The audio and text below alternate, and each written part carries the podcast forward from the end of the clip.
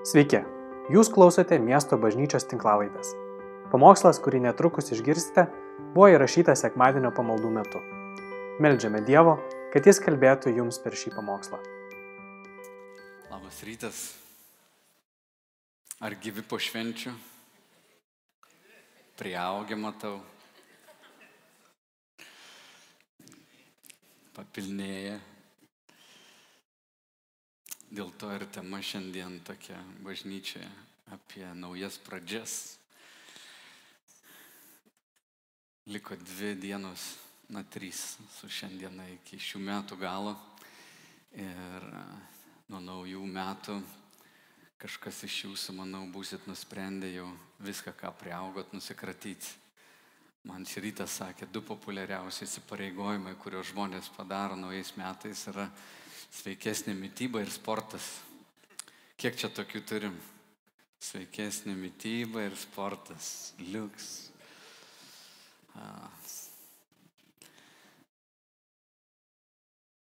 Man reiktų imti galbūt mokestį iš kokių nors sporto klubų.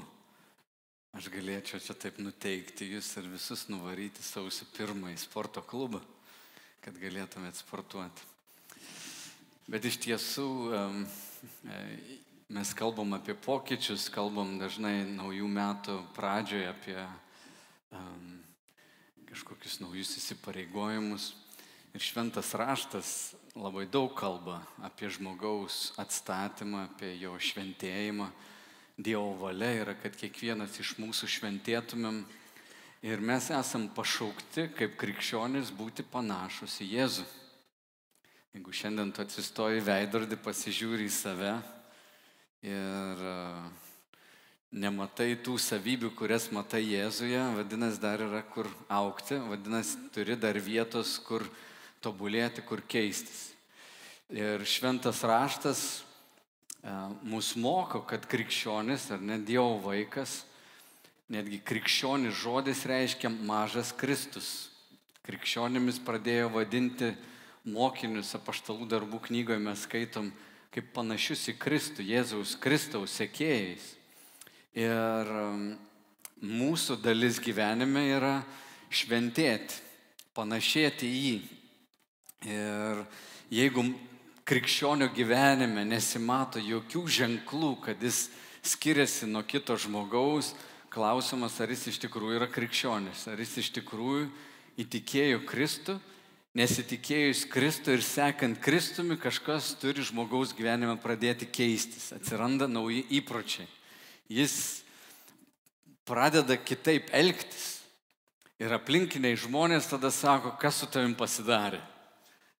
Petras sako, jūs anksčiau eidavot, lėbaudavot, linksmindavotės, buvot kaip visi, sako, gėda net kalbėti, kaip jūs anksčiau elgėtės, bet dabar jau tapę tikinčiais, jūs jau esat kitokie ir tikinčiojo gyvenimas, kaip ten beivyktų tas dvasinis atgimimas po kažkiek laiko, žmogaus gyvenime turi pradėti rodytis vaisiai. Jėzus sakė, kad žmonės pažinsit iš vaisių. Nekreip daug dėmesio į žmogų, kuris knygų prisiskaitė ir eina visus mokyti, bet jo gyvenimas nesikeičia. Tokių daug ir daug kas nori pamokyti, gal ir save tiesiog iškelti. Bet žiūrėk į žmogų, kurio gyvenime daugėja vaisiaus. O vaisius dvasinis yra meilė, yra džiaugsmas, yra ramybė, yra pakantumas, ištikimybė, susivaldymas. Tie dalykai, jeigu tarpsta jumise, jeigu tu matai tuos dalykus žmoguje, sakai, va, jis keičiasi. Ir šiandien noriu kalbėti apie įpročius ir noriu pakalbėti, kad įpročių formavimas negali būti vien tik sudvasintas dvasiniam žmonėm, bet mūsų kūnas, siela ir dvasia, viską yra sujungta.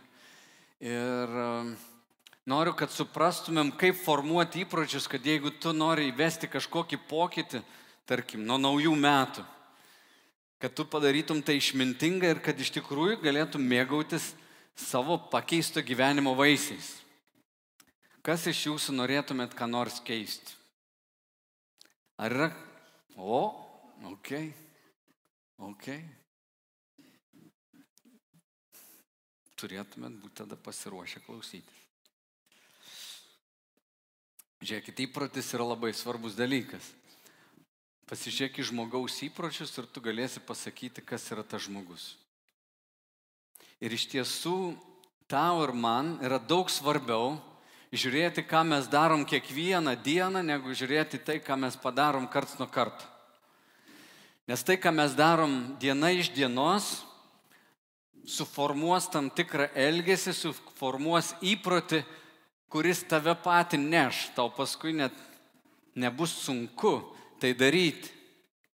Žiūrėkit, yra blogi įpročiai, ar ne? Kai kurie žmonės nebegali nusikratyti jų. Kažkas įprato rūkyti, jie rūko, kažkas kramto nagus ir jie negali sustoti. Yra įpročiai, kurie tiesiog įsėda į mus ir tu nebegali jų nusikratyti. Tu darai tai gal nuo vaikystės. Ir kaip lietuviai, kaip liaudėjai mes sakom, ar ne, pripratimas blogiau už prigimimą. Toks yra posakis. Net tavo būdas, kaip tu esi gimęs, atrodo yra lengviau keičiamas negu kažkoks tai įprotis. Jeremijo pranašystė yra tokia eilutė. Sako, jei etijopas, jodavodis, galėtų pakeisti savo odos spalvą ir leopardas savo kailio dėmes, tai ir jūs galėtumėte daryti gerą, kurie esate įpratę daryti piktą. Čia ta pati mintis. Jeigu žmogus priprato, tai ant tiek yra stipru, kad jūs suprantat, kad juodaodis negali savo spalvos pakeisti, baltaodis negali savo spalvos pakeisti, leopardas savo dėmių negali pakeisti. Ir jūs sako, jeigu jūs įpratote daryti blogą, tai kaip jūs tada darysit gerą? Bet Dievas yra maloningas, kad pašaukęs mus iš nuodėmingo gyvenimo, jis iš tikrųjų perkeičia mus iš vidaus. Ir tik Dievo dvasia gali išmokyti mus mylėti dalykus, kurių anksčiau nemylėjom, nekesti dalykų, kuriuos anksčiau vertinom. Tik Dievo dvasia turi tokį poveikį žmoguje, kad gali mus įvesti į kitokią meilę. Jeigu mes anksčiau buvom mirę savo nuodėmėse, savo geismais gyvenom, paklusdavom savo geismams ir juos teisindavom, tai dabar ištraukti iš to seno gyvenimo būdo atei į naują gyvenimą, mes turim Dievo jėgą gyventi kitaip. Dievo dvasia ateina ir jinai keičia.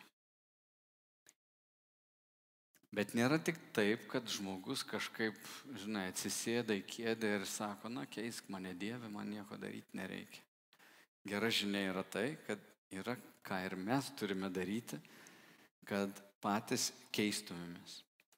Įprotis yra toks galingas dalykas, kad turėtum labai daug dėmesio skirti įpročių formavimui. Mokslininkai teigia, čia pacituosiu Čarlo Duhigo e, posakį iš įpročio gale knygos, Mokslininkai teigia, kad įpročiai susiformuoja, nes smegenys nuolat ieško, kaip sumažinti pastangas. Jeigu smegenų veiklos neriboti, tai jos bet kokį rutininį veiksmą pavers įpročiu. Nes įpročiai leidžia mūsų protui sulėtėti. Kada tu nusprendi, kad kiekvieną dieną, tarkim, apsivilksi tuos pačius rūbus, tau nebereikia varginti savęs kitą dieną, ką tu vilksies. Bet jeigu kiekvieną rytą tu vis galvoji, ką tau daryti, tai labai daug energijos išeina vien ant to mąstymo, kaip tau čia apsirengti, ką pasirinkti ir panašiai. Moteris, kiek iš jūsų keičiat savo makiažą kiekvieną rytą, kai taliojat? Nu, kai kur, aš va čia nespecialistas, gal užsiroviau. Bet aš taip įsivaizduoju, kad jeigu tu turi kažkokį rinkinėlį, tai tu atsikeli ryte, tau nereikia labai daug galvoti, nebent matau, kad lūpos keičiasi jūsų. Vieną dieną gali būti rudos, kitą raudonas, kitą rožinės, žodžiu. Bet šiaip, man atrodo, kai įprotis susiformuoja, tai ten, matau, moteris važiuoja ryte.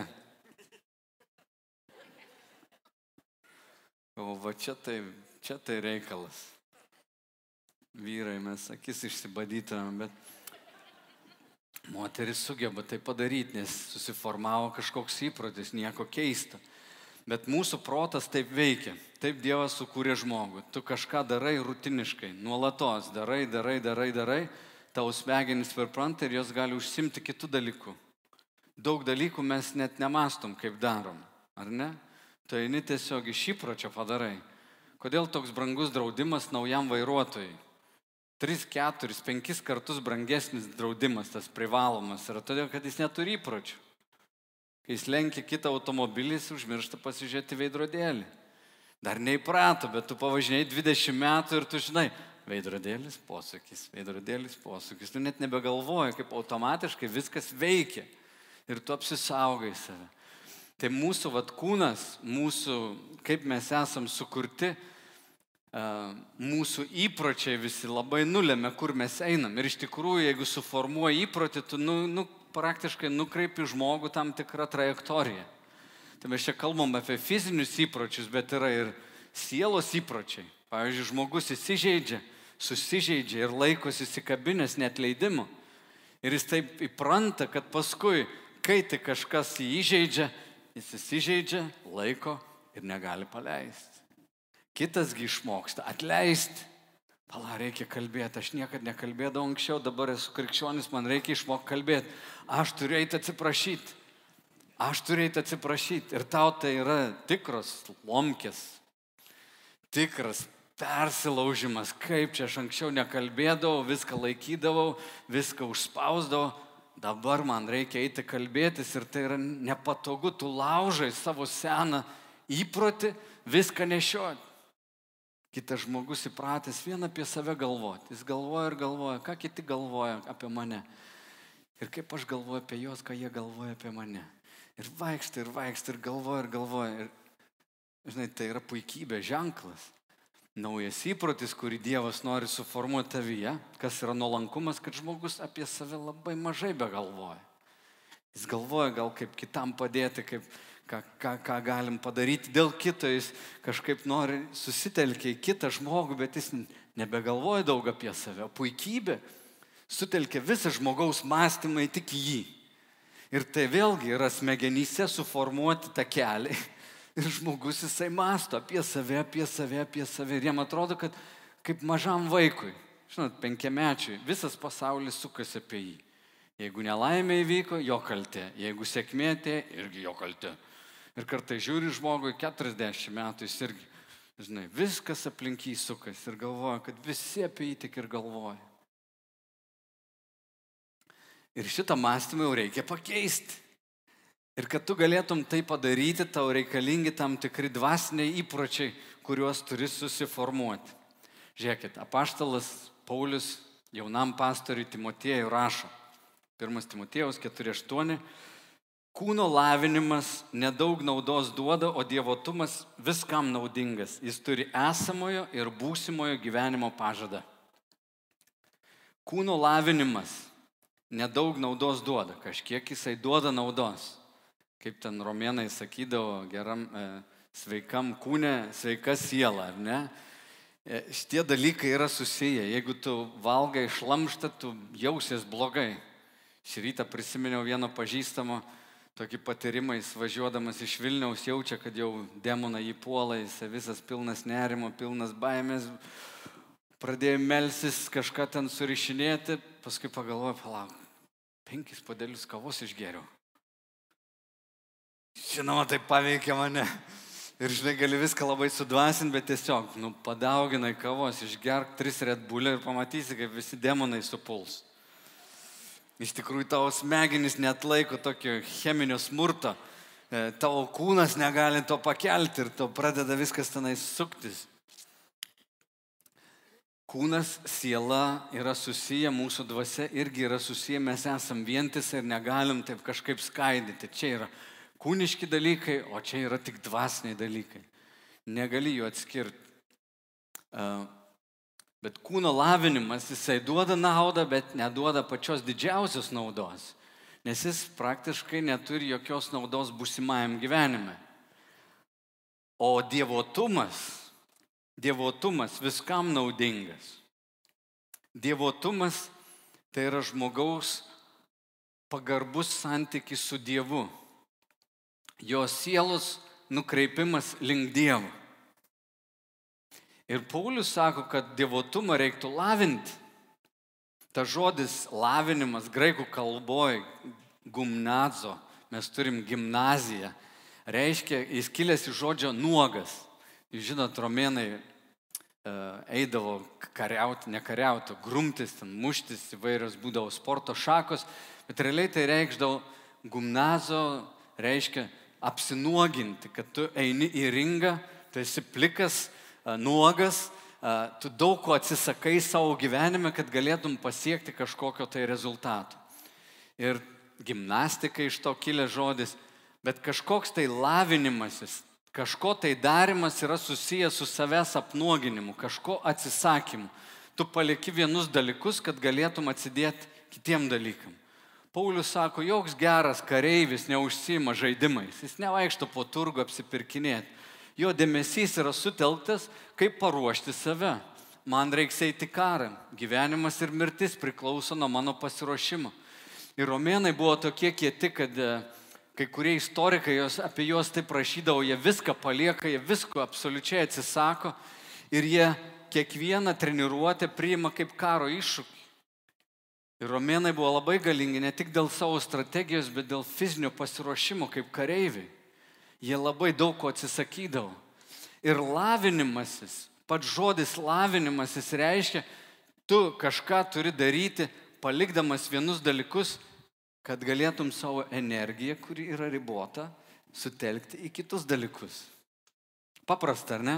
Supranti, kad vieniem dalykam skirdamas laiko, tu nebeturėsi laiko kitiem dalykam. Aš man atrodo, prieš porą metų čia kalbėjau um, ir tokį vieną iššūkį viešai jums pasakiau. Pradėjau bėgioti. Ir bėgioju jau antri metai, virš 700 dienų, kiekvieną dieną bėgu. Šiais metais turėjau tikslą ir vakar jį pasiekiau - nubėgti 3200 km. Tai yra apie 9 km per dieną vidurkis. Aš susiskaičiavau, kad man reikia per savaitę nubėgti 60 km. Aš negalėčiau pasivyti savęs, jeigu būčiau praleidęs kokį mėnesį. Aš tiesiog kiekvieną dieną turėjau bėgti. Ir žinot, kas įdomiausia, kad aš labai nedaug turiu valios. Tu gali sakyti, o, man atrodo, čia reikia labai daug valios. Noriu pasakyti, kad reikia labai nedaug valios. Reikia padaryti sprendimą ir apie tai tuoj užsiminsiu, kaip gimsta sprendimai. Bet kai padarai sprendimą kažką daryti, tu savo protą truputį atpalaiduoji kitiem dalykam. Aš ryte atsikėlęs negalvoju, ar man bėgti ar nebėgti. Aš keliuosi penktą ryto ir po 50 aš bėgu gatvėje, aš neuždavinėjau savo to klausimą. Kartais, ryte neprabėgęs, aš atsistoju, tarkim, po pietų ir galvoju, dar šiandien nebėgau. Čia prieš kelias dienas šeima, kažkas filmą žiūri, bandelių padėta, kažkas pieną geria. O laukia vėjas, kažkokie šaltis ir atrodo nesąmonė. Ir kuo ilgiau ta diena bėga, tuo sunkiau išeiti. Kokią valandą užtrukau, kol pro duris išėjau. Tik žinau, kad negaliu neišeiti, bet taip nesinori. Nes aš jungiau savo protę tokia, nu, gal dabar nebėgsiu ryte, gal vėliau išbėgsiu. Ir prasidėjo diskusija, ta diskusija trunka ilgai, jinai vargina, jinai alina, pasakau, nesąmonė kažkokia. Iš vis kodėl aš čia bėgioju. Nereikėjo, ne, kaip, kaž... ir žodžiu, abejonės ateina ir tiek ėdas smegenis kažkokie vėjai. Ir ryte aš savo klausimų dar nebūnu gal pabudęs, bet neuždavinėjau daug klausimų. Atsikeliu, viskas paruošta ir aš varau. Tik žinot, ko nebeturiu laiko teliką žiūrėti. Nu, ir šiaip nedaug žiūrėdavau, bet aš neturiu laiko telikui. Mano savijauta per du metus labai pagerėjo. Praeitais metais dar mane įkvėpė vienas žmogus, pradėjau maudytis kiekvieną dieną ir maudaus dabar. Anksčiau šalčio bijojau kaip velnio. E, žodžiu, man susukdavo kojas, jeigu pataluose būdavo kraštas pakilęs, taip, žinot. Įpučia truputį tokia, žinai, kambario. Ir man sanarys skauda, žmonės sako kažkokia nesąmonė, sanarys pradėjo skaudėti. Dabar maudausi, šalta, bet protas priprato ir stengiuosi tai daryti kiekvieną dieną. Ir galvoju, kažkas tokio keisto, kad e, gali labai daug ką atrodo pasiekti, jeigu padarai paprastą sprendimėlį. Jis man buvo paprastas, jis susijęs su mūsų dukrytę, aš galvojau, noriu būti sveikas, noriu, kad gyventi įvo, nežinau kiek jai metų bus ir kokia mano sveikata, aš tiesiog noriu pasigerinti sveikatą. Niekad gyvenime nebuvau sportavęs. Bet galvoju, man turbūt va, kažkokia mankšta sportas padėtų. Taip gimė mano sprendimas. Tie sprendimai gyvenime, ar vienokį pokytį nešti ar kitokį, yra kažkokios Dievo malonės. Aš taip galvoju, kad ta motivacija, jinai tokia, na, užgimsta kartais. Vienas mano pažįstamas a, irgi stovėjo kartą pajūryje galvoja, sako, kada, kažin, paskutinį kartą bėgau. Niekaip negalėjai atsiminti. Pasižiūrėjai kažkur bokštelį, tolė sako, bėgu. Kai pradėjo bėgti ir nesustoja. Irgi bėga kasdien. Kas ten įvyko prie tos jūros, kad tu pasižiūri kažkokį bokštelį tolumoje ir sakai, bėgsiu link to bokštelio. Man atrodo, kad tai yra malonės. Dvasiniam gyvenime labai panašiai. Kartais Yra dalykai, kurie gimsta išgyvenus kažkokį skausmą. Tu gyveni kažkokiam skausme, tau nesiseka, galbūt tavo kokie santykiai vis subyra ir subyra tokiu pat būdu. Ateina nusivylimas, tu nemoki su juo tvarkytis. Kartais skausmas tiesiog priveda prie taško, tu sakai, pala. Užteks, nesąmonė. Darysiu kitaip. Pasisuki. Ir tai šventas raštas vadina atgailą pakeistas mąstymas. Aš darydavau taip, dabar darysiu kitaip. Ir šu, pradedi judėti. Į kitą pusę. Pasisuki ir judi. Tie gyvenimo tokie posūkiai, gyvenimo posūkiai. Aš jas tiesiog vadinu tokiom Dievo malonėm, neužtarnautais dalykais. Ir, ir manau, tu ir aš turėtume mokytis būti pastabus, kada tie momentai ateina kartais galim padaryti klaidą ir pasipiktinti kažkokiu skausmu, kažkas įžeidė, kažkas žmogus mums pakišo koją ir galvoja, pakišo koją, aš dabar vat, būsiu nukritęs ir gulėsiu nukritęs. O iš tikrųjų tas kojos pakišimas ir buvo didelė malonė, kuri tave ištiko, tam, kad tu nebeitum į tą pusę, kur tau kiša koja. Tu įvedi pokytį savo gyvenime ir tada pradedi judėti. Ir aš labai dėkingas, kad Dievas duoda mums tos malonės momentus, tas akimirkas, kurios keičia mus. Tikrai galvoju, kad mes jų nenusipelnėm, mes jų negalim patys surežisuoti. Man tai kažkokia gyvenimo paslaptis. Ir čia vat, yra kažkoks slėpinys. Nes jeigu būtų vien tik kažkaip valios pastangos ir kiekvienas žmogus galėtų viską pasiekti savo valios jėga, nu, mes visi būtume labai kieti. Sutinkat? Valgytumėm salotas tik tai. Dar kažką ir tokie būtum visi. Ne, nepyktumėm, gyventumėm draugiškai, neįsižeistumėm, nekonfliktuotumėm, vaikščiotumėm tokie. Fain. Nes nuspręstumėm, taip padarytumėm. Bet esam silpni. Mes protu kartais norim vienų dalykų, bet padaryti neišeina. Taigi įpročio formavimas, manau, yra malonės toks elementas, kada va tau užeina ir tu sakai, aš dabar darysiu kažką. Nusprendžiu, judėsiu šitą kryptim. Kažkada įtikėjęs, gal 17 metų, padariau sprendimą, nepraleisiu sekmadienio pamaldų. 29 metai praėjo. Aš esu kažkiek sekmadienį praleidęs. Bet šiandien galvoju, mėgaujuosi savo gyvenimu, niekada nebuvo jis toks geras kaip dabar, bet jis yra susijęs su šituo sprendimu labai stipriai. Kad be bendruomenės aš niekada negalėsiu būti. Ir tai sakau ne dėl to, kad pastorius esu, nes pusę to laiko nebuvau pastorius. Bet tai buvo sprendimas, kurį aš padariau, kad aš būsiu sekmadieniais pamaldose, aš būsiu kažkokiame santykėje, aš turiu būti su kitu žmogumi santykėje, kad galėčiau kalbėtis, kažkas galėtų melsis. Ir šventoji dvasia mane mokė daug kartų.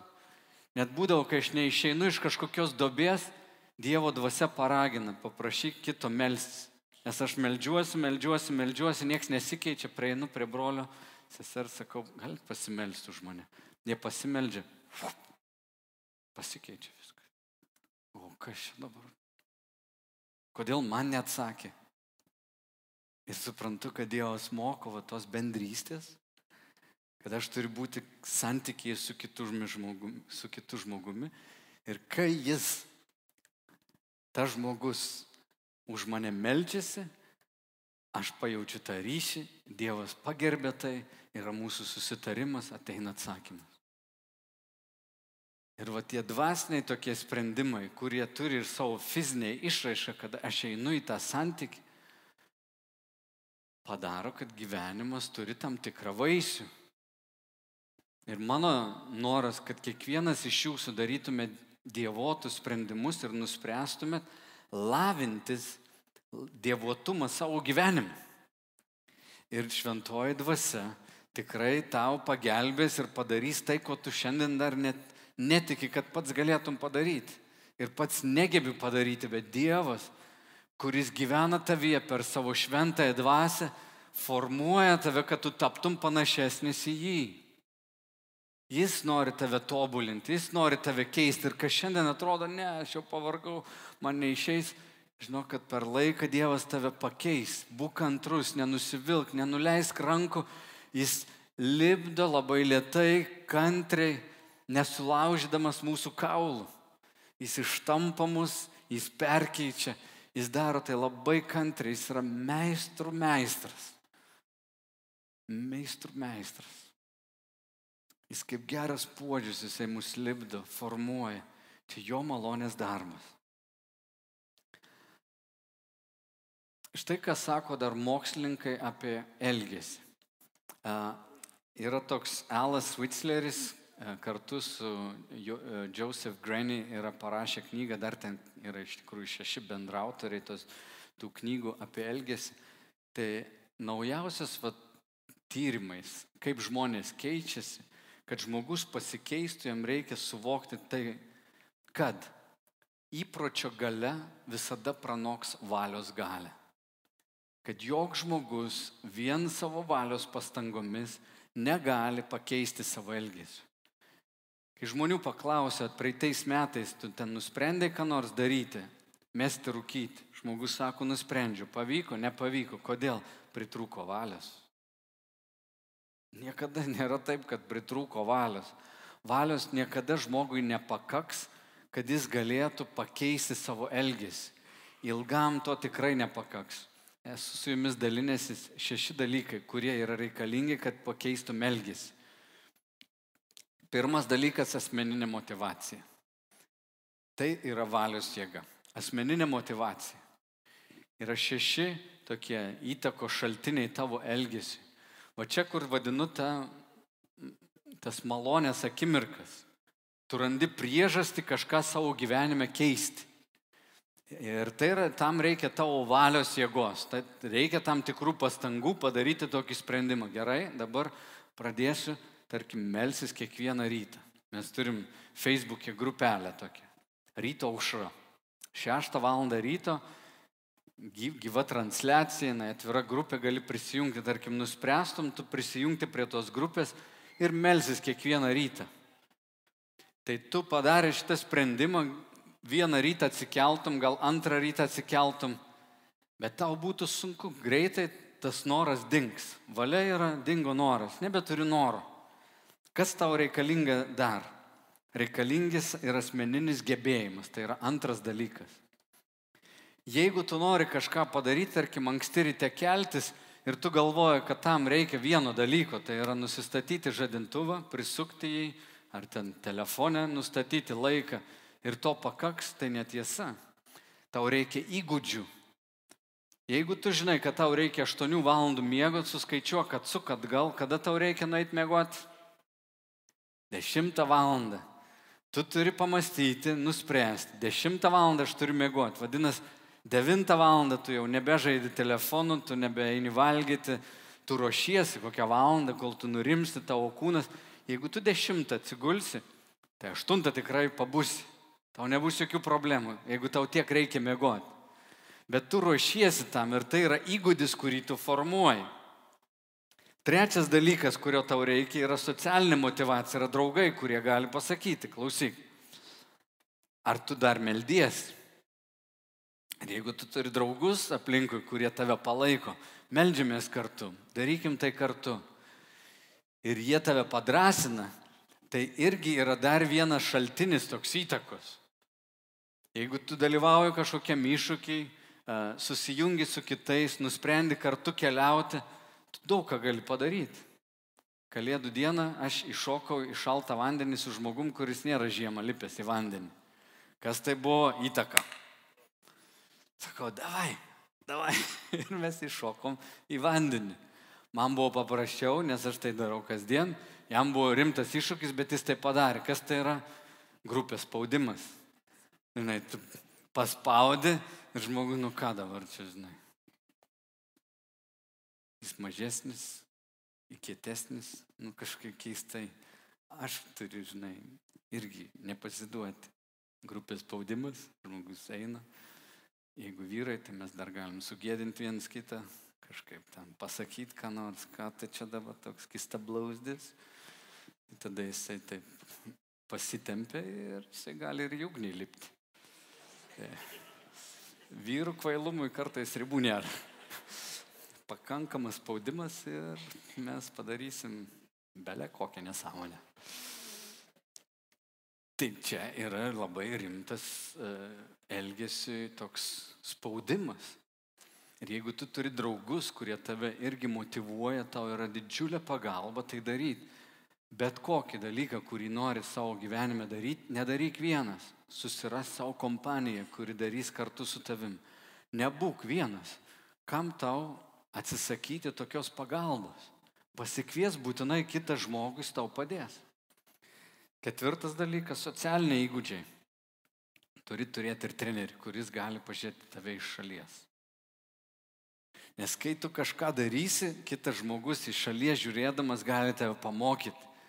Nes savęs tu niekada nematysi labai gerai. Tai yra tiesiog duotybė. Tu gali būti pats geriausias sportininkas, bet jokių būdų tu netapsi pačiu pačiu geriausiu sportininku be trenerių. Nėra tokių sportininkų, kurie pasiektų aukštumas patys iš savęs. Tiesiog tai neegzistuoja. Nėra jokių dvasinių galiūnų, kurie atsistoja tenais ir daro, žinai, kažkokius dalykus, neturėdami savo pagalbos šalia. Visi kažkokie po vieną tokie didvyriai, supermenai yra pseudo supermenai. Reikia tau trenerio, kažkas turi iš šalies tave pamokyti. Tai yra biblinis principas, kad kiekvienas mokinys turi turėti mokytoją, mokytojo reikia turėti mokytoją. Jėzus turėjo mokytoją. Jis viską darė, ką tėvas jam sakė. Jis turėjo pokalbį su tėvu. Jėzus mokė mokinius. Mokiniams sako, darykit mokinius. Žodžiu, čia yra biblinis principas. Tu turi turėti trenerius. Tu turi jie ieškoti. Skaityk knygas, atsiversk, mokykis iš geriausių. Žiūrėk, pas ką geras rezultatas. Ir sek tuo žmogumi. Tu neturėsi gyvo galbūt trenerio, ne visada tokį susirasi. Man bėgimui va treneri, turiu laikrodį. Jis man rodo, kaip aš bėgu, aš galiu pasilyginti save su to, kas buvo prieš mėnesį, prieš šešis mėnesius. Bet turiu žmonių, YouTube įsijungiu, pasižiūriu, kažkas plaukti nemokėjau. Įsijungiau, pasižiūrėjau, išmokau plaukti. Mokėjau plaukti, kaip visi lietuviai, taip 13 metrų nuplauk ir nebegali kvepuoti. Bet dabar galiu ir pusę valandos plaukti. Yra trenerių, kurie tiesiog pasižiūrit ir mokais. Yra žmonių, kurie moko mane melstis. Aš atsiverčiu knygas, skaitau apie, skaitau apie maldą, nes motivacija dinksta. Valia melsis irgi dinksta. Visiems dinksta. Bet atsiverti vat, knygą, tu skaitai, sakai, čia geras treneris, pas jį rezultatas yra, aš matau jo gyvenimo vaisių, aš juos seku. Penktas dalykas - apdovanojimai ir paskatinimas. Čia tai jas yra jėga. Pasidaryk savo dovaną, kas tave iš tikrųjų motivuotų. O kai kokio rezultato nori pasiekti, yra sakoma, jeigu žmogus užsibrėžia tikslą ir paskui save apdovanoja, tai irgi jį skatina. Aš turiu planą bėgioti visą gyvenimą. Žinot, koks mano apdovanojimas ateityje? Noriu bėgti maratonus užsienyje. Reiks išvažiuoti kitą šalį, kad galėčiau nubėgti maratoną. Ir čia bus mano dovana. Tu bėgi pro senamestį kokiam Stokholme ar kokiam Paryžiui. Faina, ne? Kas iš jūsų norėtumėte? Tai vad nubėkit keletą tūkstančių kilometrų ir važiuojam kartu į Paryžių. Gerai? Motivuotų, tu pasitaupai pinigėlių, tu suplanuoji ir važiuoji kažkur. Ir, ir nuostabu. Bet tai turėtų tave motivuoti. Tai mokslininkai sako, kad žmonės, kurie pasiekė rezultatų, jie turi savo motivaciją. Olimpinis medalis, žinot, tai ne tik medalis. Tai yra žinomumas, tai yra pinigai, tai yra garbė, tai yra tavo pavardė įrašyta, žinai, visiems laikam. Visiems laikam tai esi istorija. Ir žmonės aukoja savo visą ir polsi, ir, ir, ir, ir draugystės tam tikras, kad turėtų tą medalį. Paulius sako, aš veržiuosi tikslą. Ne kaip žmonės, kurie nori gauti žemišką kažkokį medalį, bet sako, aš veržiuosi tikslą, aš turiu tikslų. Aš noriu pažinti Jėzų. Aš noriu, baigęs bėgimą, turėti amžiną apdovanojimą. Paulius sako, tai mane motivuoja. Ir jis kalba tikintiesiems, kad ir mus motivuotų pomirtinis gyvenimas. Jėzus sakė, nesikraukė turtų čia žemėje savo susikraukit turtus danguje. Kas tai yra? Tai irgi tam tikra motivacija. Tu kažką paukoji savo dėmesį, savo laiką, savo pinigus kitam žmogui, net lygintinami, ne, ne, be jokios reklamos. Ką tu padarėjai? Susikrovai turtų danguje. Tai irgi yra motivacija, kažkoks apdovanojimas. Ir Jėzus kalbėjo. Petras sako, viešpatė, viešpatė, mes palikom ir tą, ir tą, ir tą. Kokia mums iš to nauda? Jėzus sako, nei vienas, kuris dėl karalystės ten paliko savo šeimą, ten tą ir aną, savo turtus, nu neliks be užmokesčio. Visiems bus atlyginta. Šitam gyvenime ir amžinajam gyvenime. Petras sako, okei, okay, okei. Okay. Dėl to galim palikti, galim daryti tą gimnazo, atsisakyti kažko, apsinuoginti, kad vieną dieną turėtum apdovanojimą. Taigi Paskutinis dalykas, šeštas - struktūriniai įgūdžiai. Suvaldyta, pritaikyta aplinka. Tau labai svarbu, jeigu tu nori mesti rūkyti, neprisidėti daug cigarečių kur nors pakeliu. Nes labai bus sunku. Jeigu tu nori mesti gerti, ne, ne, neturėk kalaus šaldytuvę, butelio kur nors dar pasidėjęs. Labai paprasta. Pats efektyviausias būdas mažinti alkoholio vartojimą yra sumažinti visų vietų, kuris pardavinėjimas kiekį. Kuo mažiau vietų, kur nusipirkti, kuo labiau apribotas laikas, tuo mažiau žmonės išgeria. Ir visa kita yra vėjai, kad ten žmonės samagoną virs ir visa kita. Mūsų vartojimas Lietuvoje, žinot, mažėja drastiškai alkoholio. Tai čia yra aplinka. Ji tiesiog daro tau įtaką. Aš ryte atsikeliu, jeigu man reikia bėgti, aš žinau, kur mano pranga padėta, man nereikia eiti ten knystis kažkur ieškoti. Aš turiu viską pasidėjęs iš vakaro ir aš galiu greitai išlėkti lauk. Jeigu man reikia maldos, aš turiu pasiruošęs vietą, aš galiu eiti tenais melstis. Žodžiu, aplinka irgi turi savo, e, savo reikšmę. Tai irgi dar vienas iš dalykų, kurie gali tave motivuoti keisti. Tai vad pažiūrėkit, šitie šeši dalykai, kokį elgesį tu bekeistum, nebūk naivus, negalvo, kad tau pakaks tik noro. Vat, man pakaks noro, aš tą darysiu. Aš pradėjau bėgti, nes mane motivuoja mano žmona, jinai mano bėgimo partneris, e, mes bėgam dar ir su dukrytė, nusipirkom vežimą, žodžiu, mes galim bėgti, kalbėtis, turėti pasimatymus. Man tai yra labai svarbu. Vienas aš turbūt nebėgčiau. Yra kiti žmonės dar pasikvieti draugų, sakai, davai bėgam kartu. Ir mes lėkiam. Žodžiu, kai nori elgesi kažkokį pakeisti, suvesk va visus tuos dalykus, visi tie dalykai tau padės. Jeigu vieno iš jų neturi, nu, bus truputį sunkiau, bet čia yra pagalba. Pakalbėkime apie dvasinius įpročius. Truputį dar apie valią ir malonę. laiškė kolosiečiams apaštalas Paulius sako, jei su Kristumi mirėte pasaulio pradmenims, tai kodėlgi, tarsi tebe gyvendami pasaulyje, pasiduodate nuostatoms, neliesk, neragauk, neimk. Visą tai vartojama dinksta pagal žmonių priesakus ir doktri, bei doktrinas. Tiesa, tai atrodo išmintingai dėl susikurto pamaldumo, tariamo nusižeminimo ir kūno varginimo, tačiau neturi jokios vertės ir pasotina kūniškumą. Šitoj vietoje kontekstas yra toks. Paulius kalba apie mokytojus, kurie įėjo į bažnyčią ir sako, jūs turit laikytis tam tikrų dienų, švęsti tik tam tikromis dienomis, neliesk, nedaryk ir panašiai.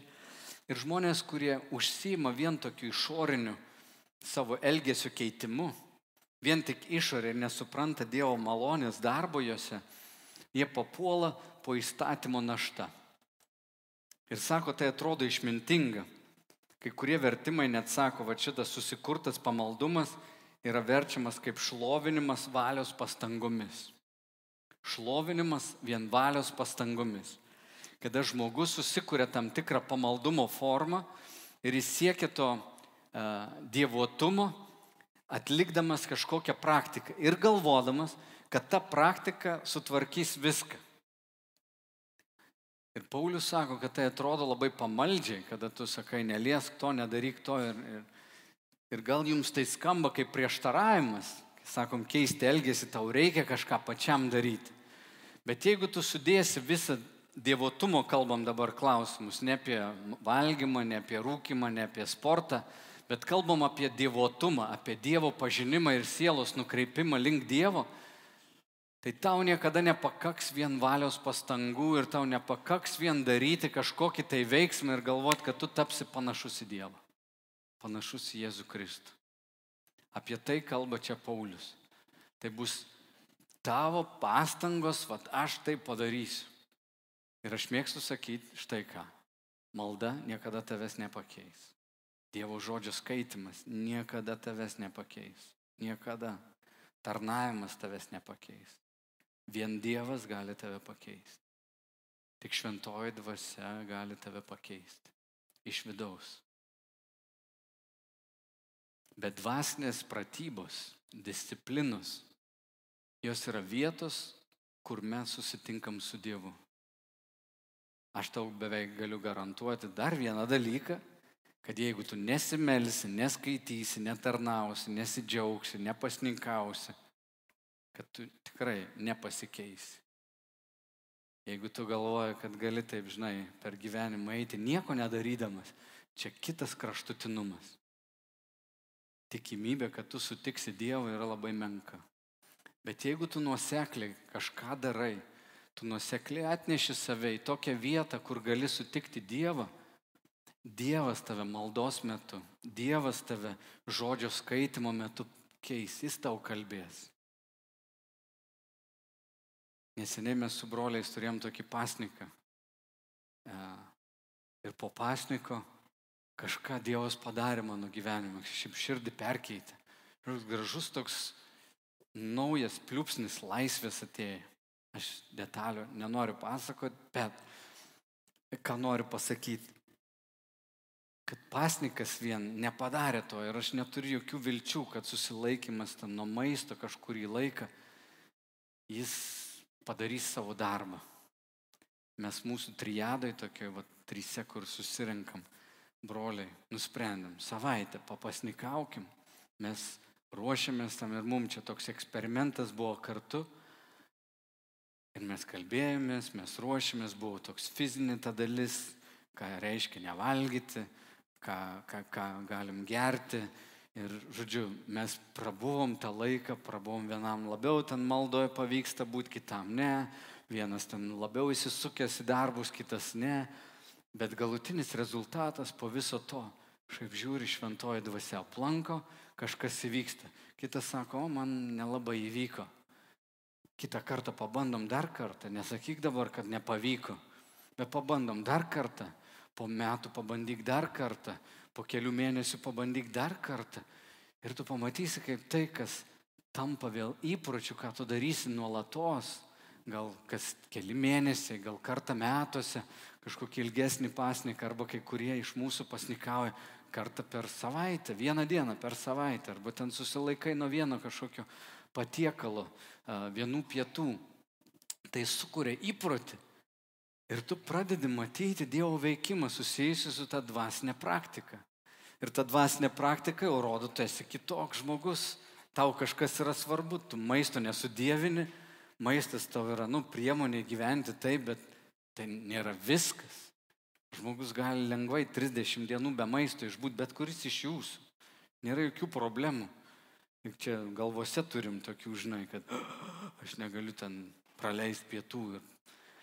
Bet tu pasimokai pas kitus, kažkas tai daro, matai, kaip tai galim padaryti ir tada jauti tą naudą. Bet pasnikas tavęs nepakeis, kaip ir malda. Bet šventoji dvasia, kuri ateis va tose pratybose, į tave perkeis. Šventoji dvasia išoperuoja mūsų širdis. Nes gali sutikti Lietuvoje daug dvasingų žmonių dabar, kurie į visokias rytų praktikas labai stipriai pasinešė, tai ten valios tų pastangų ir tokios puikybės labai daug. Kurie žmonės pasiekia kažkokias dvasinės aukštumas, jie ten vėl sportuoja, galbūt medituoja, šeima yra, kartais pasižiūri, rezultatas tragiškas. Ego pilna, išdidumo pilna, kitus teisė, žinai, aš to nevalgau, aš to nečiapinėjau, aš to neuostau, su tais nebūnu. Galvoju, nu, nematau nei tos meilės, nei... Yra praktikos, ne, nekalbu apie visus žmonės, bet kartai žmonės, vat, darydami kažkokių tų praktikų, galvoja, kad jie viską susitvarkys. O man atrodo, pagal šventą raštą, kad visos dvasinės pratybos, dvasiniai įpročiai Jie tiesiog leidžia mums ateiti pas Dievą, kad Jis mus keistų. Kai šitas pamokslas yra paraginimas mums visiems apmastyti, ką norim savo gyvenime keisti. Nes padarė sprendimą va, šį rytą kažką daryti kitaip, atsisėdęs, pasirašęs, nori tam tikrų praktikų daryti, tu po metų būsi kitoje vietoje, negu esi šiandien. Jeigu tu taip sakysi, o mane labai įkvėpia, pabandysiu padaryti taip. Ir pabūsi po trijų dienų ir žiūri, kad išėjo o taip. Bet jeigu rimtai apmastysi, pasidarysi planelį, įtrauksi kitus žmonės, gausis galbūt taip. Ir Dievo dvasia mus tikrai visada kvies artins prie savęs, kad šitam gyvenime mes nesudėtumėm visų savo pastangų tik į kūno lavinimuose, sudėtumėm savo pastangas į dievotumo ugdymą, kuris turi amžinojo ir būsimojo gyvenimo atlygį. Yra daug naudos. Ir krikščioniškas gyvenimas yra disciplinuotos malonės gyvenimas. Disciplinuotas malonės gyvenimas. Yra disciplina, yra Dievo dovana, malonė, kaip jis keičia. Ir va toks yra mūsų gyvenimas. Ir tie dalykai nėra viens kitam priešingi. Šitas pamokslas apie mūsų asmeninius va, dievotumo lavinimas, apie įpročių formavimą kad gyventumėm sveiką gyvenimą kūne, sieloje ir dvasioje. Aš taip išryškinau truputį padrikai ir vienus ir kitus dalykus, ir fizinius, ir kažkokius dvasinius, ar ten malda, ar ne, ir sportas, tarkim. Tu gali pasižiūrėti, ko tau gyvenime, kur, kur tos dalykus sudėti. Bet mūsų bendruomeniniam gyvenime, kitą sekmadienį, kalbėsiu apie kitą įprotį, apie dvasinio bendrakeleivio svarbą apie žmogaus, kuris būtų šalia tavęs. Ir mes, va jau metai vyresnėje bažnyčios, kai kurie lyderiai, turim tokias triadas, trijų žmonių susitikimus su įsipareigojimu du metus susitikti kartą savaitę, kalbėtis apie mūsų dvasinį gyvenimą, padėti vienas kitam, sudėlioti savo gyvenimo regulą, tam tikrą tokį gyvenimo būdą, palaikyti vienas kitą. Ir kitą sekmadienį kalbėsiu apie tai, kaip į tai įeiti, kas trukdo mums, kokias baimės, va, ypač vyrai Lietuvoje, mes turim kažkaip atsiverti, būti šalia kito žmogaus. Žodžiu, mano noras, kad mūsų bendruomenė per keletą metų turėtų tokį įprotį, tokią kultūrą, kur mes visi labai artimi esam vienas su kitu. Kad mūsų santykis vienas su kitu yra artimas, nes tai viena didžiausių vertybių, kurią gali neštis per šį gyvenimą. Ir kai tiek daug informacijos yra, vienatvės dar daugiau yra. Ir kai tu draugus išsimėtai per gyvenimą tiesiog dėl didelio mobilumo, kelionių ir visa kita, turi susikurti įprotį nuolat ieškoti savo gerų draugų. Nuolat atnaujinti savo draugų banką. Nuolat. Nes jie e, irgi patiria infliaciją dėl įvairių priežasčių. Draugystės, į kurias neinvestuojam, jos e, nyksta, jos atitolsta. Žodžiu, Dievo žodis tikrai moko mus sutelkti dėmesį į santykių statymą. Ir apie tai bus kitą sekmadienį. O dabar norėčiau su jumis pasimelsti. Jūs galit galbūt likti tiesiog sėdėti. Ir apmastyti, ko norėtum paprašyti. Kokie dalykai tavo tave alina, kas, kas tau yra sunku ir kur tau reiktų Dievo pagalbos keičiant savo gyvenimą. Gal dabar galėtų nuspręsti, ką tu darysi kitais metais kitaip. Ačiū, kad klausėte. Daugiau informacijos apie miesto bažnyčią rasite internete www.m-b.lt arba Facebook, Instagram bei YouTube paskyrose.